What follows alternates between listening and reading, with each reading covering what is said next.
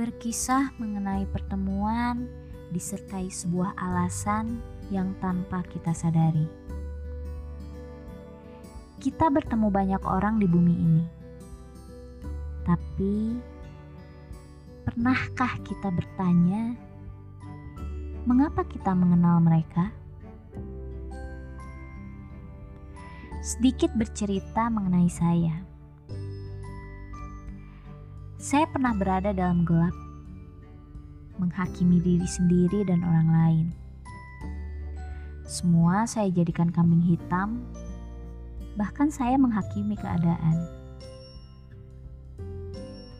Tapi tiba-tiba seseorang datang mengenalkan dirinya. Tahu dia siapa? Dia adalah orang yang sampai saat ini menjadi pendengar baik saya. Ia menjadi kawan saya sampai detik ini, dan semoga seterusnya. Dia yang barusan saya ceritakan, seseorang yang mengenalkan dirinya. Ia sebagai jembatan yang memberikan saya jalan untuk mengarahkan gelap pada terang untuk memberitahu bahwa sebenarnya bumi ini gak semuanya gelap. Hidup ini gak semuanya gelap. Entah saya akan seperti apa jika dia tidak datang. Lalu ada mereka. Iya, mereka sebagai manusia yang katanya paling benar, yang selalu saya sebut didaulat sebagai penguji. Seberapa kuat saya dijatuhkan. Tapi ternyata saya masih berdiri tegap sampai saat ini. Saya didewasakan mereka. Ada dia sebagai pendorong saya untuk mengembalikan rasa percaya diri saya, yang mengenalkan bagaimana cara berekspresi. Sebab saya pemalu,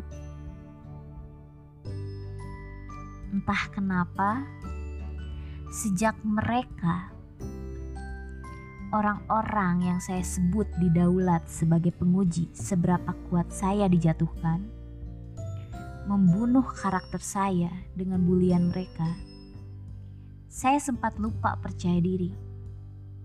Saya sempat takut percaya diri dan malas menjadi perhatian orang lain. Tapi ternyata dia, seseorang yang mendorong saya, berhasil membukakan pola pikir saya bahwa sebenarnya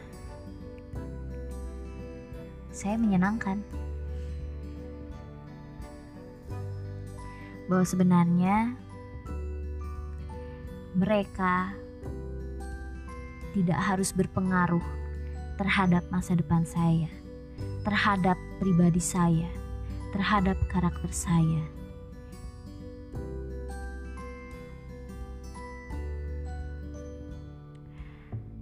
Ternyata setiap orang-orang yang baru kita kenal ada alasan di mana mengapa kita mengenal dan dikenalkannya.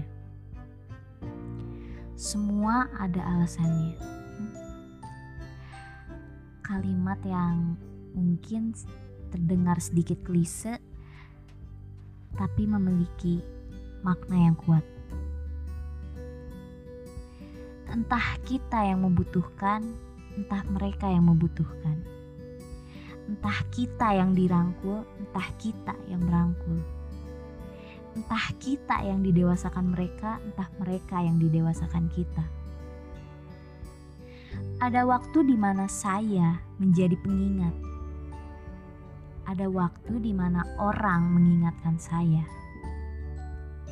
Ada waktu di mana saya menjadi pendengar ada waktu di mana saya butuh didengar.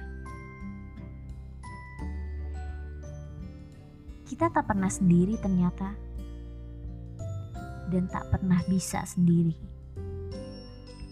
sebab pada akhirnya masing-masing dari kita didaulat, entah untuk mendewasakan, entah untuk menjatuhkan. Tapi Tuhan menyuruh kita untuk saling memanusiakan. Satu hal yang perlu kalian ingat dan ketahui.